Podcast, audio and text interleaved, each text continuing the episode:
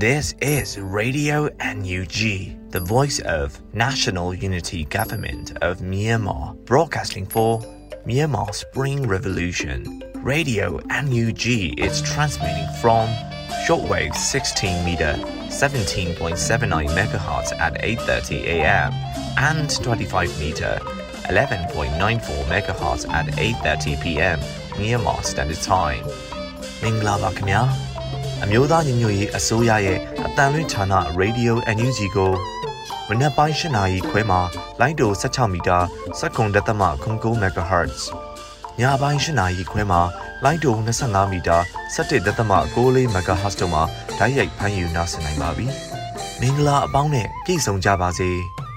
အခုချိန်ကစပြီး Radio NUG အစီအစဉ်တွေကိုဓာတ်ရိုက်အတန်မြင့်ပေးနေပါပြီ။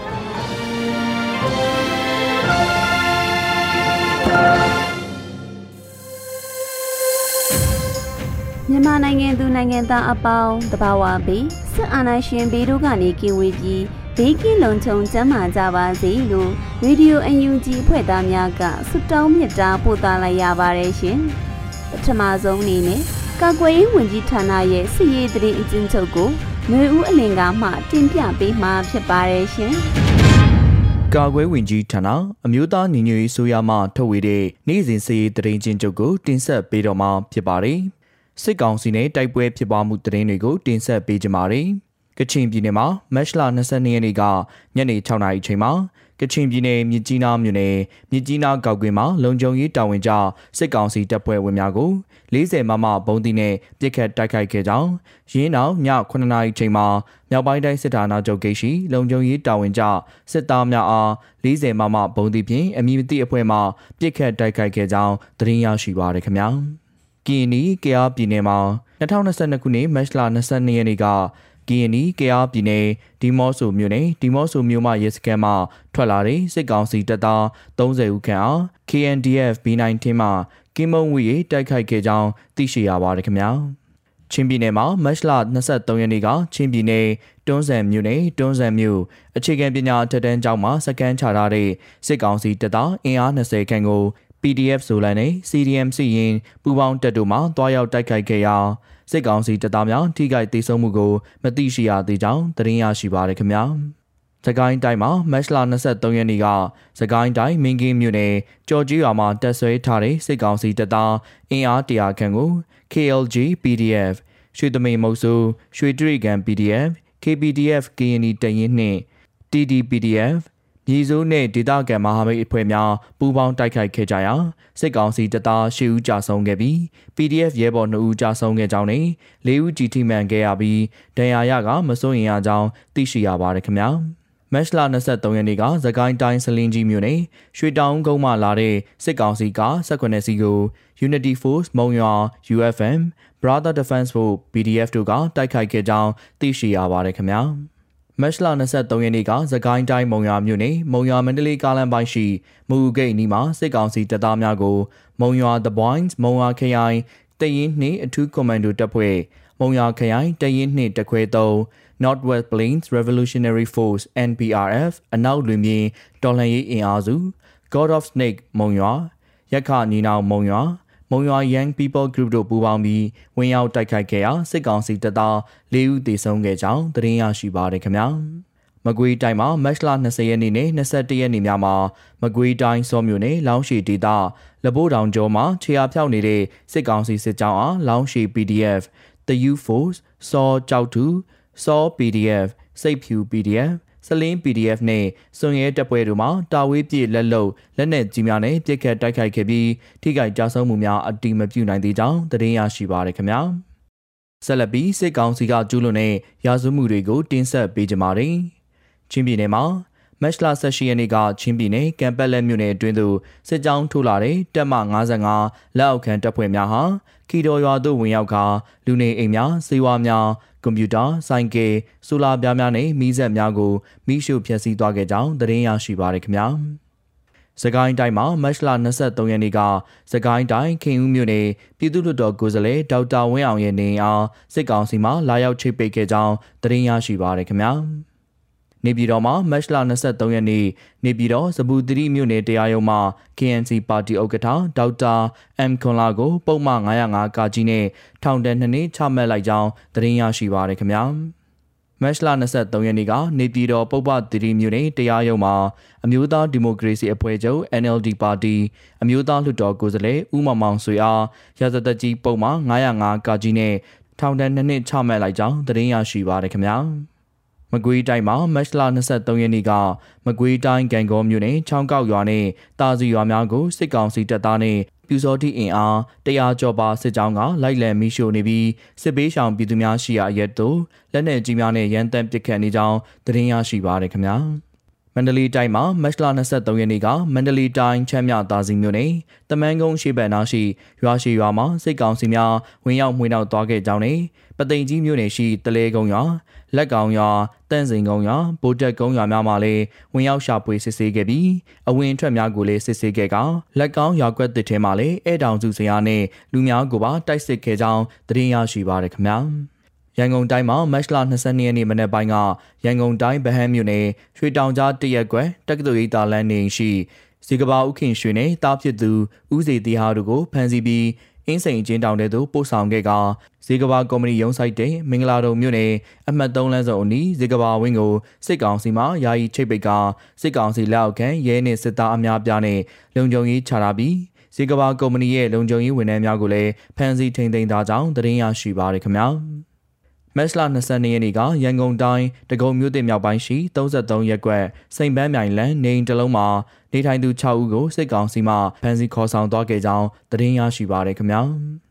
မတ်လ23ရက်နေ့ကရန်ကုန်တိုင်းလှိုင်မြို့နယ်စနစ်ရက်ကွက်စက်မှုဝင်းမှာနေထိုင်တဲ့ CDM ဝန်ထမ်း22ရဲ့နေအားစစ်ကောင်စီမှကားကြီးတစ်စီးစစ်ကောင်စီလက်အောက်ခံရဲကားမီတန်တစ်စီးအင်စီကားများအင်အား15ဦးခန့်နဲ့လာရောက်ကမတ်လ24ရက်12နာရီအချိန်မီဖယ်ရှားခိုင်းကြောင်းနဲ့မဖယ်ရှားပါကအင်အားသုံးဖယ်ရှားမိဖြစ်ကြောင်းဝင်းတွင်ရှိကျူးကျော်များနဲ့ပြင်ဆင်စားများကိုလည်းဖယ်ရှားရန်ပြင်ဆင်ခဲ့ကြောင်းသတင်းရရှိပါရခင်ဗျာ။ AR တိုင်းမှာမတ်လ23ရက်နေ့က AR တိုင်းမူပင်မြို့နယ်ခြေဆိုင်ခလာရ29တက်အနောက်ရှိပန်တပုတ်ချောင်းထိပ်မှာစစ်ဆေးရေးဂိတ်ဖွင့်ပြီးမြစ်ကြောင်းတစ်လျှောက်ဆက်လီနဲ့သင်းမောများကိုယခုလာဇန်ပိုင်းမှာစတင်က73စီ9ကလန်တောင်းခံနေပြီးစီမပေးနိုင်ပါက9000ကျပ်တောင်းယူနေကြောင်းသတင်းရရှိပါတယ်ခင်ဗျာယခုတင်ဆက်သွားတဲ့သတင်းတွေကိုမြေပြင်သတင်းတာဝန်ခံများနဲ့သတင်းဌာနတွေမှာဖော်ပြလာတဲ့အချက်အလက်တွေပေါ်အခြေခံပြုစုထားခြင်းဖြစ်ပါတယ်ကျွန်တော်ကတော့ຫນွေဦးလင်ပါ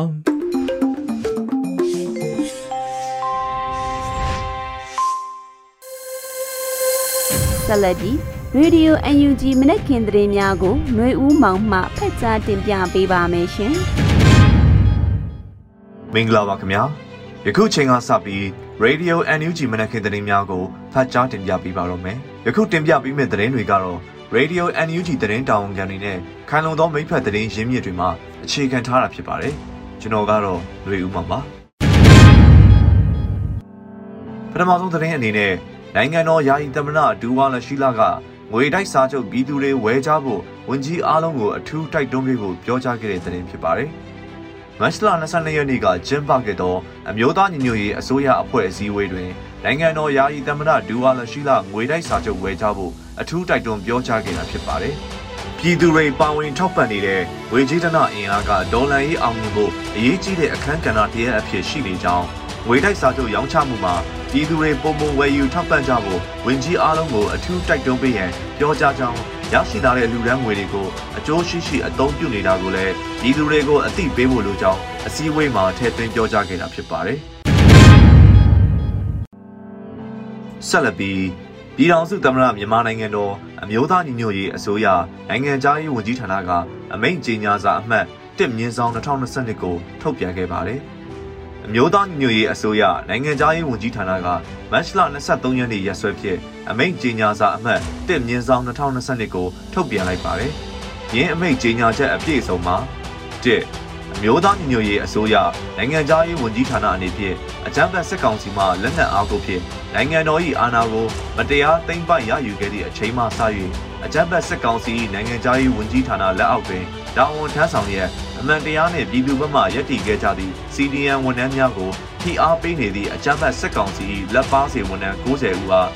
8ရက်6လ2021ရက်စွဲပါအမိန့်ကြေညာစာအမှတ်၄မြင်းဆောင်2021ဖြင့်အမည်ပြတ်စင်ရင် blacklist ပထမအတုပ်တွင်ထည့်သွင်းထုတ်ပြန်ကြေညာခဲ့ပါသည်။နှစ်ထို့အပြင်29ရက်17လ2021ရက်စွဲပါကြေညာချက်အမှတ်8မြင်းဆောင်2021ကိုထုတ်ပြန်၍ဒီပါရှိမြန်မာတန်ယုံအဖွဲ့ရုံးနဲ့ကောင်းစစ်ဝန်ချုပ်ရုံးများတွင်တာဝန်ထမ်းဆောင်နေကြသည့်တန်အမတ်ကြီးများနှင့်တန်တမန်များအားအကြမ်းဖက်စစ်ကောင်စီကိုကိုစားမပြုဘဲပြည်သူသားအဓိက ပြည်သူနှင့်အတူတူသောစောင့်ပုံးနှင့်အညီအမှန်တရားနှင့်ပြည်သူ့ဘက်မှယက်တီပေးရန်တတိပေးနှိုးဆော်ခဲ့ပါသည်၃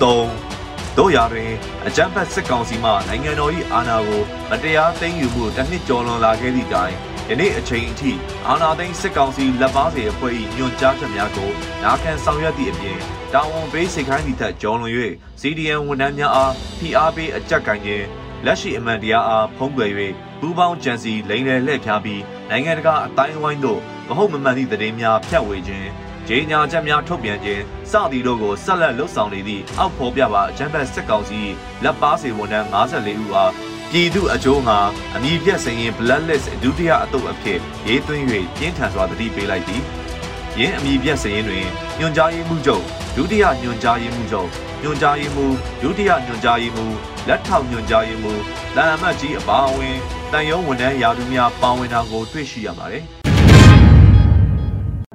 ဆက်လက်ပြီး CDM ဝန်ထမ်းများကိုဖိနှိပ်၍တရားမဝင်အာဏာသိမ်းစစ်ကောင်စီ၏လက်အောက်တွင်ဆက်လက်တောင်းဝန်ထမ်းဆောင်နေသောနိုင်ငံခြားကုန်သွယ်မှုဘဏ်အရာထမ်းအမှုထမ်း200ကျော်ကိုအမျိုးသားညီညွတ်ရေးအစိုးရကထုတ်ပယ်ခဲ့တဲ့သတင်းကိုတင်ပြပေးပါမယ်။ CDM ဝန်ထမ်းများကိုဖိနှိပ်၍တရားမဝင်အာဏာသိမ်းစစ်ကောင်စီ၏လက်အောက်တွင်ဆက်လက်တောင်းဝန်ထမ်းဆောင်နေသောနိုင်ငံခြားကုန်သွယ်မှုဘဏ်အရာထမ်း အမှုထမ်း200ကျော်ကိုအမျိုးသားညီညွတ်ရေးအစိုးရကထုတ်ပယ်လိုက်ကြောင်းသိရပါတယ်။မတ်လ23ရက်နေ့မှာစီမံကိန်းဗန်နာရေးနဲ့ရင်းနှီးမြှုပ်နှံမှုဝန်ကြီးဌာနပြည်ထောင်စုဝန်ကြီးဦးတင်ထွန်းနိုင်ကိုတိုင်လက်မှတ်ထိုးထုတ်ပယ်လိုက်တာဖြစ်ပါတယ်။ပြည်ထောင်စုသမ္မတမြန်မာနိုင်ငံတော်အမျိုးသားညီညွတ်ရေးအစိုးရစီမံကိန်းဗန်နာရေးနဲ့ရင်းနှီးမြှုပ်နှံမှုဝန်ကြီးဌာနသည်အကြမ်းမဖက်အာဏာဖီဆိုင်ရေးလှုပ်ရှားမှု CDN တွင်ပါဝင်ခဲ့ကြသည့်နိုင်ငံဝန်ထမ်းသူရဲကောင်းများ၏လူမှုဘဝပူလုံရေးဘေးကင်းလုံခြုံရေးနဲ့ PR ကင်းစင်ရေးတို့ကိုအထူးအလေးထားဆောင်ရွက်လျက်ရှိတယ်လို့ဖော်ပြထားပါတယ်။တို့ဖြစ်ပါ၍တရားမဝင်အာဏာသိမ်းစစ်ကောင်စီ၏လက်အောက်တွင်ဆက်လက်တောင်းဝန်ထမ်းဆောင်နေပြီးစီဒီယန်ဝန်ထမ်းများကိုဖိနှိပ်ခြင်းချင်းချောက်ခြင်းယာဒူးမှထုတ်ပယ်ခြင်းဝန်ထမ်းအဖြစ်မှထုတ်ပစ်ခြင်းပြည်သူအစိုးရမှရန်လည်ပေးဆက်ရန်မလိုဟုထုတ်ပြန်ထားသည့်နှစ်လစာချင်းငွေများကိုရန်လည်တောင်းခံခြင်းနဲ့အမျိုးမျိုးသောဖိနှိပ်မှုများကိုကျူးလွန်လျက်ရှိသည့်အပြင်ပြည်သူလူထုကိုအကြမ်းဖက်နှိပ်စက်လျက်ရှိသောစစ်ကောင်စီရန်ရာလဲပတ်နိုင်ရေးအတွက် ပူပေါင်းပါဝင်ဆောင်ရွက်လျက်ရှိသောမြန်မာနိုင်ငံသားကုန်သွယ်မှုဗန်မှအရာတန်းအမှုတန်း212ဦးတို့ကိုအမည်ပြစင်ရင် blacklist တွင်းလိုက်ပြီးဝန်ထမ်းအဖြစ်မှထုတ်ပစ် dismissal လုပ်လိုက်တယ်လို့ဖော်ပြပါရှိပါတယ်။ထုတ်ပစ်ခံရတဲ့အထဲမှာဒုတိယအထွေထွေမန်နေဂျာမန်နေဂျာနဲ့လက်ထောက်မန်နေဂျာအပါအဝင်ကြီးကြပ်ရေးမှုနဲ့ငွေခိုင်တို့လည်းပါဝင်ပါတယ်ခင်ဗျာ။ဆက်လက်ပြီးလန်ဒန်မြို့တွင်မတ်လ22ရက်နေ့မှ24ရက်နေ့အထိ Economist Impact မှာကျင်းပတဲ့ Sustainability Week Summit သို့စီးပွားကူးသန်းပြည်ထောင်စုဝန်ကြီးဒေါက်ခင်မမမျိုးတက်ရောက်ခဲ့တဲ့သတင်းကိုတင်ဆက်ပေးပါမယ်။လန်ဒန်မြို့တွင်မတ်လ21ရက်နေ့မှ24ရက်နေ့အထိ Economist Impact မှာကျင်းပသော 7th Annual Sustainability Week Acceleration Transition Building Resilience တို့အမျိုးသားညီညွတ်ရေးအစိုးရစီးပွားရေးနဲ့ကုသန်းရောင်းဝယ်ရေးဝန်ကြီးဌာနမှပြည်ထောင်စုဝန်ကြီးတက်ရောက်လျက်ရှိတယ်လို့သတင်းရရှိပါတယ်။ Sustainability Week Summit အားကမ္ဘာကုလသမဂ္ဂအထွေထွေအတွင်းရေးမှူးချုပ်၏ keynote remarks ဖြင့်စတင်ကျင်းပခဲ့ပြီးဘူဝါဒရေးရာချမှတ်သူများစီးပွားရေးလုပ်ငန်းရှင်များကျွမ်းကျင်ပညာရှင်များမှ2021 United Nations Climate Change Conference COP26 ဆိုင်ရာလမ်းပြမြေပုံများစက်သက်တီထွေမှုဆိုင်ရာမူဝါဒအကောင့်ထဲပေါ်ဆောင်မှုများဗန်နာရေးစနစ်ရေရှည်တည်တံ့ခိုင်မာမှုဆိုင်ရာကိစ္စရပ်များ Digital Economy ရေးရာမူဝါဒများနဲ့လက်တွေ့ကျင့်သုံးဖော်ဆောင်မှုများ စီးပွားရေးနိုင်ငံရေးနဲ့ဗန်နာရေးဆိုင်ရာဆုံးဖြတ်ချက်ချမှတ်မှုရေးရာကိစ္စရပ်များစိုက်ပျိုးရေးကဏ္ဍနဲ့ biodiversity ကိစ္စရပ်များတဘာဝဆိုင်ရာယင်းနှီးမြှုပ်နှံမှုနဲ့တဘာဝသယံဇာတရေးရာကိစ္စရပ်များ net zero ဆိုင်ရာပြောင်းလဲတိုးတက်မှုများကိုစီမံခန့်ခွဲခြင်းစသည်များကိုဆွေးနွေးတင်ပြခဲ့ကြပါတယ်။အဆိုပါ summit သို့နိုင်ငံအသီးသီးမှအစိုးရအဖွဲ့ဝင်များပညာရှင်များလုပ်ငန်းရှင်များနဲ့ကဏ္ဍအလိုက်တာဝန်ရှိသူများမှ in-person virtual ပုံစံများဖြင့်တက်ရောက်ခဲ့ကြပါတယ်။ ဆက်လက်ပြီး NUG ကိုအတိမတ်ပြုရန်မြန်မာကိုလက်နက်ရောင်းချမှုပိတ်ပင်ရန်ကုလလူခွင့်ရေးကောင်စီတွင်တင်သွင်းခဲ့တဲ့သတင်းကိုတင်ဆက်ပေးပါမယ်။အမျိုးသားညီညွတ်ရေးအစိုးရ NUG ကိုပြည်သူ့ကိုစားပြုအစိုးရအဖြစ်အတိအမှတ်ပြုရန်နဲ့မြန်မာနိုင်ငံကိုနိုင်ငံတကာကလက်နက်ရောင်းချခြင်းကိုပိတ်ပင်ရန်ကုလလူအခွင့်အရေးအထူးစုံစမ်းစစ်ဆေးရေးအရာရှိကလူအခွင့်အရေးကောင်စီတွင်စီရင်ခန်းစာတင်သွင်းခဲ့ကြောင်းသိရပါတယ်။ကုလလူအခွင့်အရေးအထူးစုံစမ်းစစ်ဆေးရေးအရာရှိ Mr. Tom Andrew က လူအခွင့်အရေးကောင်စီတွင်မြန်မာနိုင်ငံအကြောင်းအစည်းအဝေးခန်းစာကို2022ခုနှစ်မတ်လ22ရက်နေ့ကတင်သွင်းခဲ့ရာတွင်အာနာသိန်းစစ်ကောင်စီကိုလက်နက်မယောင်းချရန်ပြင်စစ်ရေးအရာအသုံးချနိုင်သည့်ဤပညာများနဲ့လေရင်စီများလည်းမရောက်ရှိစေရန်အမြန်ဆုံးရပ်တန့်ရေးတောင်းဆိုထားကြောင်းသိရှိရပါတယ်။နေ့တခြားဆိုးဝါးပြင်းထန်လာတဲ့အကြမ်းဖက်စစ်ကောင်စီရဲ့ရာဆွဲမှုတွေကိုအသေးစိတ်ဖော်ပြထားတာကြည့်ရင်ရေပြင်အခြေအနေတွေမြေပြင်ကအဖွဲ့အစည်းတွေနဲ့ချိတ်ဆက်မှုကောင်းတာကိုတွေ့နိုင်ပါတယ်ဟု အမျိုးသားညီညွတ်ရေးအစိုးရလူ့အခွင့်အရေးဆိုင်ရာဝန်ကြီးဦးအောင်မျိုးမင်းကပြောကြားထားပါတယ်။စစ်အာဏာသိမ်းခံရသည့်မြန်မာနိုင်ငံတွင်လူ့အခွင့်အရေးချိုးဖောက်ခံရမှုအခြေအနေများနဲ့ပတ်သက်၍ကုလလူ့အခွင့်အရေးကောင်စီတွင်တင်သွင်းသည့်အဆိုပါအစည်းအဝေးခန်းစာတွင်လူသားမျိုးနွယ်တစ်ခုလုံးအပေါ်ကျူးလွန်မှုစစ်ရာဇဝတ်မှုမြောက်နေပြီဖြစ်ကြောင်းနဲ့၎င်းရာဇဝတ်မှုများကိုအာဏာသိမ်းစစ်ကောင်စီကကျူးလွန်သည်မှာဖေးချသည်ဟုထည့်သွင်းအစီရင်ခံထားကြောင်းသိရပါတယ်။ ကုလလူခွင့်ရေးအထူးစုံစမ်းစစ်ဆေးရေးအရာရှိအစည်းအဝေးခန်းစာကိုကြိုးဆိုကြောင်း NUG လူအခွင့်ရေးဆိုင်ရာဝန်ကြီးဌာနကယနေ့တွင်သဘောထားထုတ်ပြန်ထားသည်ကိုလည်းတွေ့ရှိရပါတယ်။နောက်ဆုံးသတင်းအနေနဲ့တင်ဆက်ပေးမှာကတော့စကိုင်းတိုင်းခင်ဦးမြို့နယ် NLD လွှတ်တော်အမတ်ဒေါက်တာဝင်းအောင်ကြီးနေအိမ်ကိုစစ်ကောင်စီတပ်များကချိတ်ပိတ်လိုက်တယ်လို့သတင်းရရှိပါတယ်။မတ်လ23ရက်နေ့မှာဒေါက်တာဝင်းအောင်နေအိမ်ကိုလာရောက်ချိတ်ပိတ်ခဲ့တာဖြစ်ပါတယ်။ မတ်လ23ရက်နေ့နေ့လယ်ပိုင်းတွင်စကိုင်းတိုင်းခင်ဦးမြို့နယ် NLD လွှတ်တော်အမတ်ဒေါက်တာဝင်းအောင်ကြီးနေအိမ်အားအကြမ်းဖက်စစ်ကောင်စီမှလာရောက်ချိတ်ပိတ်သွားခဲ့ကြောင်းစိတ်မချမ်းမြေပွဲသိရှိရပါတယ်လို့ခင်ဦးဒေသခံသတင်းအရင်းမြစ်ထံမှသိရပါတယ်စစ်ကောင်စီကနိုင်ငံအနှံ့နေအိမ်နဲ့အဆောက်အဦ932လုံးထပ်မံချိတ်ပိတ်သိမ်းဆည်းခဲ့တယ်လို့သတင်းရရှိခဲ့ပါတယ်ချိတ်ပိတ်သိမ်းဆည်းခံရမှုအများစုဟာစကိုင်းတိုင်းတွင်ဖြစ်ပြီးတော့ရန်ကုန်နဲ့မန္တလေးတိုင်းတို့မှာဒုတိယအများဆုံးဖြစ်ပါတယ်။ စစ်ကောင်စီကနေအိမ်ချိတ်ပိတ်သိမ်းဆည်းမှုတွေကို2021ခုနှစ်ဖေဖော်ဝါရီလကတည်းကစတင်လှုပ်ဆောင်ခဲ့ပြီးအမျိုးသားညီညွတ်ရေးအစိုးရ NUG ကပြည်သူ့ခုခံတွန်းလှန်စစ်စတင်ဖို့ကြေညာခဲ့တဲ့2021ခုနှစ်စက်တင်ဘာ9ရက်နေ့နောက်ပိုင်းမှာပုံမလှုပ်ဆောင်လာခဲ့ပါတယ်။အထူးသဖြင့် NUG အပါအဝင်ပြည်ထောင်စုလွှတ်တော်ကိုစားပြုကော်မတီ CRPH နဲ့ဒေသခံပြည်သူ့ကာကွယ်ရေးတပ်တွေ BDF, LDF, CDF KNDF စသဖြင့်ဆက်ဆက်နေတဲ့နေအိမ်များအဆောက်အဦများကိုပြစ်မှတ်ထားချိတ်ပိတ်သိမ်းဆည်းခဲ့ပါတယ်ခင်ဗျာ။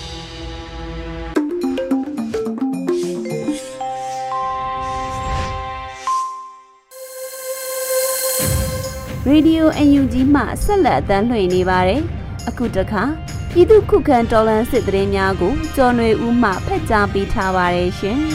။ပထမဦးစွာတင်ဆက်မှာကတော့မြကြီးနားမြို့နယ်ရှိမြောက်ပိုင်းတိုင်းစစ်ဌာနချုပ်ဂိတ်ကို40မမဘုံသီးဖြင့်တိုက်ခိုက်ခံရတဲ့တရင်ပါ။မတ်လ22ရက်နေ့ညနေ6နာရီအချိန်မှာကချင်ပြည်နယ်မြကြီးနားမြို့နယ်မြကြီးနားကောက်ကွင်းမှလုံခြုံရေးတာဝန်ကျစစ်ကောင်စီတပ်ဖွဲ့ဝင်များကို40မမဘုံသီးဖြင့်ပစ်ခတ်တိုက်ခိုက်ခဲ့ကြောင်း ရင်းနောက်ည9နာရီအချိန်မြောက်ပိုင်းတိုင်းစစ်ဌာနချုပ်ဂိတ်ရှိလုံခြုံရေးတာဝန်ကျစစ်သားများကို40မမဘုံသီးဖြင့်ပစ်ခတ်ခဲ့ကြောင်းသိရှိရပါတယ်။ဆက်လက်ပြီးမြို့လှမှာစစ်ကောင်စီတပ်ကိုမိုင်းဆွဲတိုက်ခိုက်ခဲ့တဲ့တဲ့ရင်ကိုတင်ဆက်မှာပါ။ကချင်ပြည်နယ်မြို့လှမြို့နယ်အတွင်းခြေလင်စစ်ကြောင်းထိုးလာတဲ့အကြမ်းဖက်စစ်ကောင်စီတပ်ဖွဲ့ကိုယနေ့မတ်လ23ရက်နနက်6နာရီခန့်မှာချောင်းဝကြီးရွာနီး၌မြို့လှ PDF ကမိုင်းဆွဲတိုက်ခိုက်ခဲ့ပြီးစစ်သား2ဦးသေဆုံးက 9ဦးထက်မနည်းဒဏ်ရာရကြောင်းသတင်းရရှိပါရယ်။အင်အား90ခန့်ပါတဲ့စစ်ကောင်စီတပ်ဖွဲ့ဟာမင်းချောင်းကုန်းရွာမှချောင်းဝကြီးရွာဘက်သို့ကံပေါင်လန်းအတိုင်းထွက်ခွာလာစဉ်မြို့လ PDF မှဗိုလ်မိုးချိုးဦးဆောင်တဲ့အဖွဲ့ကမိုင်းရှစ်လုံးဖြင့်ဖောက်ခွဲတိုက်ခိုက်ရာစစ်သား2ဦးပွဲချင်းပြီးတေဆုံးကြောင်း9ဦးထက်မနည်းဒဏ်ရာရကြောင်းမြို့လ PDF ကသတင်းထုတ်ပြန်ပါတယ်။အကြမ်းဖက်စစ်ကောင်စီကတေဆုံးစစ်သားအလောင်းများနဲ့ဒဏ်ရာရသူများကိုစက်လီများဖြင့်တည်ယူနေကြောင်းနဲ့မြို့လ PDF များ အထိအခိုက်မရှိစုခွာနိုင်ခဲ့ကြောင်းသိရှိရပါတယ်။စလင်းကြီးနဲ့မင်းကင်းမှာစစ်တပ်ကိုမိုင်းဆွဲတိုက်ခိုက်ခြင်းကြောင့်စုစုပေါင်းစစ်သား12ဦးသေဆုံးတဲ့တဲ့ရင်ကိုဆက်လက်တင်ဆက်မှာပါ။မက်လ23ရက်နေ့နနက်9:30မိနစ်အချိန်မှာသခိုင်းတိုင်းမင်းကင်းနယ်တောင်တွင်းကြောင်ကြော်ရွာမှာတက်ဆွဲထားတဲ့စကစများကို TLG PDF ချွေသမင်မုတ်ဆိုး PDF ရွှေတရိကန် PDF ကဏီတက်ရင်နှင့်နဲ့ဒေသခံမဟာမိတ်များပူးပေါင်းတိုက်ခိုက်ခဲ့ကြောင်း နှစ်နာရီကျော်ကြာတိုက်ပွဲအတွင်းစစ်ကောင်စီတပ်ဖွဲ့ဝင်10ဦးသေဆုံးခဲ့ပြီး PDF 3ဦးကြီးထိမှန်ထားကြောင်းသိရှိရပါတယ်။အလားတူစလင်းကြီးမြို့နယ်မှာကျွေတောင်ဦးကုန်းမှဆင်းလာတဲ့စစ်ကောင်စီကား18စီးကိုမတ်လ23ရက်နေ့နနက်4:30မိနစ်အချိန်မှာ Unity Force မုံရွာ UFM နဲ့ Brother Defense Force BDF တို့ကစတင်တိုက်ခိုက်ခဲ့ကြောင်းသိရှိရပါတယ်။တပ်ပင်းမှာ PDF ပူးပေါင်းတပ်ဖွဲ့ရဲ့တိုက်ခိုက်မှုကြောင့် စစ်ကောင်စီတပ်ဖွဲ့ဝင်တအူးသေဆုံးပြီး၄ဦးထပ်မံထိခိုက်တဲ့တဲ့ရင်ကိုဆက်လက်တင်ဆက်မှာပါ။သကိုင်းတိုင်းဒပင်းမြို့နယ်အမေရိကန်ကြီးရွာသို့မတ်လ22ရက်နေ့မှာအကြမ်းဖက်စစ်ကောင်စီတပ်များဟာစစ်တင်အင်အား80ခန်းဖြင့်ဝင်ရောက်လာပြီးအမေရိကန်ရွာရှိပြည်သူနေအိမ်တလုံးအားမိရှို့ဖျက်ဆီးခဲ့ကြောင်းအဆိုပါစစ်ကြောင်းကို CND ရွှေဘို Snake Eyes PDF People Defense Force ရွှေဘို Alpha 7အရတော်ရွှေကြိုးပြူပကဖနဲ့ ရွှေဘိုမြို့နယ်ပကဖတပ်ပေါင်းစုနှစ်တို့ကတွားရောက်တိုက်ခိုက်ရာ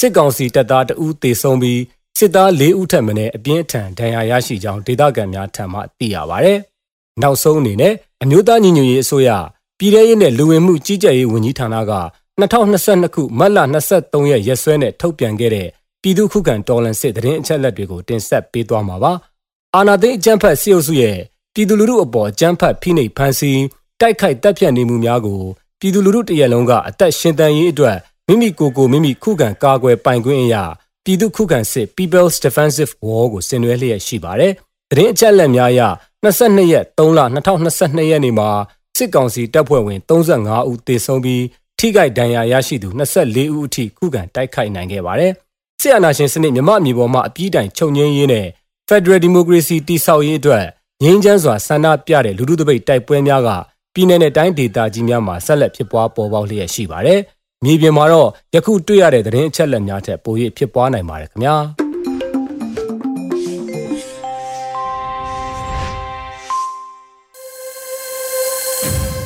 Radio UNG သောတာရှင်များရှင် PPTV ရဲ့နေ့စဉ်သတင်းများကိုတော့မျိုးတော်ရာမှဖက်ကြားတင်ပြပေးထားပါတယ်ရှင် ပထမဆုံးတင်ဆက်ပေးမှာကတော့နိုင်ငံတကာပါလီမန်များညီလခံ IPU မှာပြည်ထောင်စုလွှတ်တော်ကိုစားပြုကော်မတီ CRPH ကတက်ရောက်ဆွေးနွေးတဲ့ဆိုတဲ့သတင်းမှာအင်ဒိုနီးရှားနိုင်ငံဘာလီမှာမတ်လ22ရက်နေ့ကပြုလုပ်နေတဲ့နိုင်ငံတကာပါလီမန်များညီလာခံ IPU မှာပြည်ထောင်စုလွှတ်တော်ကိုစားပြုကော်မတီ CRPH ကတက်ရောက်ဆွေးနွေးခဲ့ပါတယ်။ လူအခွင့်အရေးဆိုင်ရာအာဆီယံလွှတ်တော်ကိုယ်စားလှယ်များအဖွဲ့ APHR ကဦးစီးကျင်းပတဲ့ Dealt for Being Elected Council နဲ့ဆွေးနွေးပွဲမှာပြည်ထောင်စုလွှတ်တော်ကိုစားပြုကော်မတီဝင်တွေကတက်ရောက်ဆွေးနွေးခဲ့ကြတာဖြစ်ပါတယ်။ နိုင်ငံတကာပါလီမန်များညီလာခံ IPU မှာ site event အဖြစ်နဲ့ Jill for being elected council အောက်မှာအဓိကထားဆွေးနွေးခဲ့ကြတာကမြန်မာစစ်တပ်ရဲ့မတရားဖမ်းဆီးအကျဉ်းချတာခံရတဲ့လွှတ်တော်ကိုယ်စားလှယ်တွေအတွက်တည်တံ့ရွေးချယ်ကျင်းပဆောင်ရွက်ခဲ့တာဖြစ်တယ်လို့သိရပါဗျ။ဆွေးနွေးပွဲမှာ APHR ဥက္ကဋ္ဌမလေးရှားနိုင်ငံလွှတ်တော်ကိုယ်စားလှယ် Mr. Charles Santiago ပြည်ထောင်စုလွှတ်တော်ကိုစားပြုကော်မတီဥက္ကဋ္ဌဦးအောင်ကြည်ညွန့်ကအဖွင့်အမှာစကားပြောကြားပြီးနောက်နိုင်ငံတကာဆက်ဆံရေးကော်မတီတော်မြတ်သီရာထွန်းနဲ့အဖွဲ့ဝင်ဦးစီသူမောင်တို့ကမြန်မာလွှတ်တော်ကိုယ်စားလှယ်များကြုံတွေ့နေရတဲ့အခက်အခဲတွေမတရားဖမ်းဆီးခံရမှုတွေဥပဒေမဲ့ချင်းချောက်ခံရမှုတွေနဲ့မြန်မာနိုင်ငံရဲ့လက်ရှိအခြေအနေတွေကိုထင်ဟပ်မျှဝေဆွေးနွေးခဲ့ပါတယ်။ အဲ့ဒီနောက်မှာနိုင်ငံတကာပါလီမန်များအဖွဲ့ Inter-Parliamentary Union IPU ရဲ့ Committee on Human Rights of Parliamentarians ဒုဥက္ကဋ္ဌနဲ့တက်ရောက်လာကြတဲ့နိုင်ငံတကာလွှတ်တော်ကိုယ်စားလှယ်တွေကမြန်မာနိုင်ငံမှာဒီမိုကရေစီပြန်လည်ရရှိရေးနိုင်ငံတကာအတိုင်းအဝန်းကအကူအညီပေးနိုင်မဲ့ကိစ္စရပ်တွေဆက်လက်ပူးပေါင်းဆောင်ရွက်နိုင်မဲ့ကိစ္စရပ်တွေနဲ့ရွေးကောက်ခံလွှတ်တော်ကိုယ်စားလှယ်တွေနဲ့ဖွဲ့စည်းထားတဲ့ပြည်ထောင်စုလွှတ်တော်ကိုစားပြုကော်မတီ CRP CRPH အမျိုးသားညီညွတ်ရေးအစိုးရ NUG တို့အားတရားဝင်အသိမှပြုနိုင်ရေးကိစ္စရပ်များအပေါ်အပြန်အလှန်ဆွေးနွေးခဲ့ကြတယ်လို့သတင်းထုတ်ပြန်ထားပါတယ်ဆက်လက်တင်ဆက်ပေးမှာကတော့ရိုဟင်ဂျာလူမျိုးတွေကိုမြန်မာစစ်တပ်ကကျူးလွန်ခဲ့တဲ့ရာဇဝတ်မှုတွေပေါ်အမေရိကန်အစိုးရဆုံးဖြတ်ချက်ကိုကြိုးဆိုတယ်လို့ပြည်ထောင်စုလွှတ်တော်ကိုစားပြုကော်မတီကကြေညာချက်ထုတ်ပြန်လိုက်တဲ့သတင်းမှာ ရိုဟင်ဂျာလူမျိုးတွေကိုမြန်မာစစ်တပ်ကကျူးလွန်ခဲ့တဲ့ရာဇဝတ်မှုတွေအပေါ်မှာအမေရိကန်အစိုးရကလူသားမျိုးနွယ်တွေအပေါ်မှာကျူးလွန်ခဲ့တဲ့ရာဇဝတ်မှုတွေဖြစ်တယ်လို့ဆုံးဖြတ်လိုက်တဲ့အပေါ်မှာပြည်ထောင်စုလွှတ်တော်ကိုစားပြုကော်မတီ CRPH ကြိုဆိုတဲ့အကြောင်းကြေညာချက်ထုတ်ပြန်လိုက်ပါတယ်။ ပြည်ထောင်စုလွှတ်တော်ကိုစားပြုကော်မတီကအမေရိကန်နိုင်ငံသားရေးဝန်ကြီးအန်တိုနီဘလင်ကင်ရဲ့ Holocaust Memorial Museum မှာမလ21ရက်နေ့ကပြောကြားသွားတဲ့မှတ်ချက်စကားကိုကြိုဆိုတယ်လို့ဖော်ပြထားပါတယ်။ လွန်ခဲ့တဲ့ဆယ်စုနှစ်များအတွင်းမြန်မာစစ်တပ်ရဲ့ရိုဟင်ဂျာတွေအပေါ်ကျူးလွန်ခဲ့တဲ့ရာဇဝတ်မှုတွေကလူမျိုးတုံးတပ်ဖြတ်မှုလူသားမျိုးနွယ်အပေါ်ကျူးလွန်တဲ့ရာဇဝတ်မှုတွေဖြစ်တဲ့ဆိုတာကိုတပ်တွေတွေအထောက်အထားတွေနဲ့နိုင်ငံတကာလွတ်လပ်တဲ့လူအခွင့်အရေးအဖွဲ့အစည်းတွေရဲ့အစီရင်ခံစာတွေပေါ်အခြေခံပြီးအမေရိကန်အစိုးရရဲ့ဆုံးဖြတ်သတ်မှတ်မှုအပေါ်ကြိုးဆိုတယ်လို့ဖော်ပြထားပါတယ်။ အဲ့ဒီသတ်မှတ်ဆုံးဖြတ်ချက်ကအပြည့်ပြည့်ဆိုင်ရာတရားရုံး International Court of Justice နဲ့အပြည့်ပြည့်ဆိုင်ရာရာဇဝတ်တရားရုံး International Criminal Court အပါအဝင်နိုင်ငံတကာတရားရေးအဖွဲ့အစည်းတွေကရိုဟင်ဂျာတွေနဲ့ပတ်သက်ပြီးတရားမျှတမှုဒါဝန်ခံမှုတွေကိုရှာဖွေဖော်ထုတ်ဖို့စ조사ဆောင်ရွက်နေမှုတွေကိုများစွာအထောက်ပံ့ဖြစ်စေမယ်လို့ယုံကြည်တဲ့ဆိုပြီးလဲဖော်ပြထားပါတယ်။ ယခုလက်ရှိအချိန်မြန်မာနိုင်ငံမှာအကြမ်းဖက်မှုတွေစိတ်ရာဇဝတ်မှုတွေပါဝင်ရက်ဆက်ကြမ်းကြုတ်သောရာဇဝတ်မှုတွေလူအခွင့်အရေးချိုးဖောက်မှုတွေကိုနိုင်ငံတော်ဝန်ရှိတိုင်းရင်းသားပြည်သူတွေလူမျိုးရေးနဲ့ဘာသာရေးလူနည်းစုတွေအားလုံးအပေါ်ချိုးဖောက်ကျူးလွန်လျက်ရှိပြီးမြန်မာပြည်သူထောင်ပေါင်းများစွာကအိုးမဲ့အိမ်မဲ့ဖြစ်ကထွက်ပြေးတိမ်းရှောင်နေရတယ်လို့ဆိုပါရယ် အကြမ်းဖက်မြန်မာစစ်တပ်ကအာဏာသိမ်းခဲ့တဲ့အချိန်မှစပြီးအပြစ်မဲ့ပြည်သူ1690ကျော်အားဥပဒေမဲ့တပ်ဖြတ်ခဲ့ပြီးပြည်သူ12850ကျော်အားမတရားဖမ်းဆီးထိန်းသိမ်းထားလျက်ရှိပါတယ်။မြန်မာစစ်တပ်မှကျူးလွန်လျက်ရှိတဲ့အကြမ်းဖက်မှုတွေကအဆိုပါရိုဟင်ဂျာတွေပေါ်မှာအလားတူရာဇဝတ်မှုတွေကိုကျူးလွန်ခဲ့တဲ့ကျူးလွန်နေစေဖြစ်တဲ့စစ်တပ်ပင်ဖြစ်တဲ့ဆိုတာကိုထပ်မံပြီးမိမောင်းထုတ်ပြလိုက်ခြင်းပင်ဖြစ်တယ်လို့ဆိုပါတယ်။ မြန်မာစစ်တပ်ရဲ့ရက်ဆက်ကြမ်းကြုတ်တဲ့ရာဇဝတ်မှုတွေကိုခံစားခဲ့ရသူတွေအတွက်တရားမျှတမှုကိုရှာဖွေရန်စ조사ဆောင်ရွက်တဲ့တစ်ချိန်တည်းမှာမြန်မာစစ်တပ်ကအဆိုပါရာဇဝတ်မှုများဆက်လက်ကျူးလွန်နိုင်ခြင်းမရှိစေရန်တားဆီးနိုင်ရေးအတွက်ဝိုင်းဝန်းကူညီစ조사ပေးကြဖို့အတွက်လည်းအလေးအနက်တောင်းဆိုထားပါတယ်။ဒါပြင်ထုတ်ပြန်ချက်ထဲမှာအာဏာရှင်တွေရဲ့ဘေးအန္တရာယ်ကြောင့်ဒေသအတွင်းတည်ငြိမ်မှုနဲ့ကမ္ဘာကြီးတစ်ခုလုံးရဲ့တည်ငြိမ်မှုကိုထိခိုက်လျက်ရှိတယ်ဆိုတာနဲ့ရုရှားဖက် ဒရယ်ရှင်းယူကရိန်းနိုင်ငံပေါ်ကျူးကျော်စစ်ကတပ်သိပြလျက်ရှိတယ်လို့ဆိုပါရယ်ကမ္ဘာနိုင်ငံတွေအနေနဲ့ယူကရိန်းနိုင်ငံနဲ့နိုင်ငံသားတွေပေါ်ကျူးလွန်လျက်ရှိတဲ့ကျူးကျော်သူတွေရဲ့ရာဇဝတ်မှုများကိုဝိုင်းဝန်းဆန့်ကျင်ဟန်တာနေကြတဲ့နေတူမြန်မာနိုင်ငံရှိအာဏာရှင်တွေရဲ့မြန်မာပြည်သူများအပေါ်မှာပြည်ပကျူးကျော်သူတွေနဲ့မခြားလူမဆန်သောရာဇဝတ်မှုတွေကျူးလွန်လျက်ရှိတာကိုလည်းမေ့လျော့ပြစ်ပယ်ထားခြင်းမရှိဘဲဆက်လက်အရေးယူဆောင်ရွက်သွားရန်လေးနက်စွာတိုက်တွန်းတောင်းဆိုအပ်တယ်ဆိုပြီးဖော်ပြထားပါတယ်။ဆက်လက်တင်ဆက်ပေးမှာကတော့ထောင်တွင်းအကြမ်းဖက်မှုတွေရန်တန့်ဖို့အတွက်လက်မှတ်ရေးထိုးတောင်းဆိုတဲ့ကမ်ပိန်းပြုလုပ်နေတဲ့ဆိုတဲ့သတင်းမှာ ထောင်တွင်းအကြမ်းဖက်မှုတွေရန်တပ်ဖို့အတွက်တန်တိုင်နောက်မှအလင်းတစားလိုအမိပေးထားတဲ့လက်မှတ်ရေးထိုးတောင်းဆိုမဲ့ကမ်ပိန်းတစ်ခုကိုပြုလုပ်နေပါတယ်။ကမ်ပိန်းပြုလုပ်နေသူတွေကတော့မတရားဖမ်းဆီးခံအပြစ်မဲ့ပြည်သူတွေရဲ့ပေးပို့တဲ့စာတွေနဲ့မီဒီယာသတင်းတွေအရလက်ရှိအကျဉ်းထောင်တွေမှာထောင်တွင်းအကြမ်းဖက်ဖိနှိပ်မှုတွေနဲ့လူအခွင့်အရေးချိုးဖောက်ခံရမှုတွေများစွာရှိနေပြီးအဆိုးဝါးဆုံးဖြစ်ရကလင်းအကြမ်းဖက်မှုဖြစ်တယ်လို့ဆိုထားပါတယ်။ ပြည်သူလူထုတရလုံးလွတ်မြောက်ရေးအတွက်ကြိုးပမ်းလှုပ်ဆောင်ရင်းမတရားဖမ်းဆီးခံခဲ့ရတဲ့ရဲဘော်တွေဟာတန်တိုင်နောက်မှာနေ့စဉ်နဲ့မျှဖိနှိပ်ခံနေရကြတယ်လို့ပြောထားပါတယ်။ အဲဒါကြောင့်မိတ်ဆွေတို့ရဲ့ပူးပေါင်းပါဝင်မှုကတန်တိုင်နောက်ကတော်လှန်ရေးအပြစ်မဲ့ပြည်သူတွေအတွက်အသက်ဆက်ဖို့မျှော်လင့်ချက်အလင်းစတစ်ခုလို့ဆိုပါတယ်။ထောင်တွင်းအပြစ်မဲ့ပြည်သူများအပေါ်အကြမ်းဖက်ဖိနှိပ်မှုများရန်တပ်ပေးရတဲ့ရင်းဖြစ်ရတွေအတွက်လိုအပ်တဲ့စစ်ဆေးမှုတွေကိုအမြန်ဆုံးပြုလုပ်ပေးနိုင်ရန်နိုင်ငံတကာကြက်ချင်ဒီအသင်း International Red Cross Society ICRC အပါအဝင်သက်ဆိုင်ရာနိုင်ငံတကာအဖွဲ့အစည်းတွေကပါဝိုင်းဝန်းဖိအားပေးတောင်းဆိုနိုင်ဖို့လက်မှတ်2သိန်းကျော်လိုအပ်လျက်ရှိတာကြောင့်ပါဝင်ဖို့တိုက်တွန်းထားပါတယ်။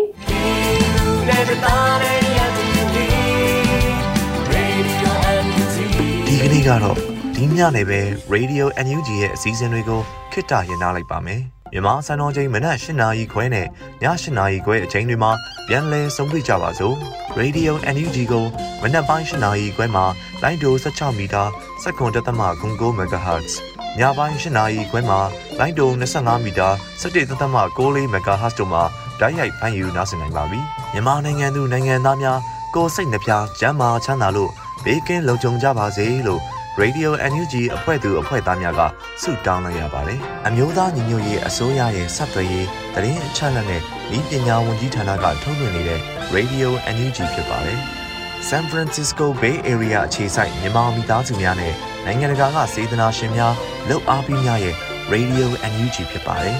။အရေးတော်ပုံအောင်ရမည်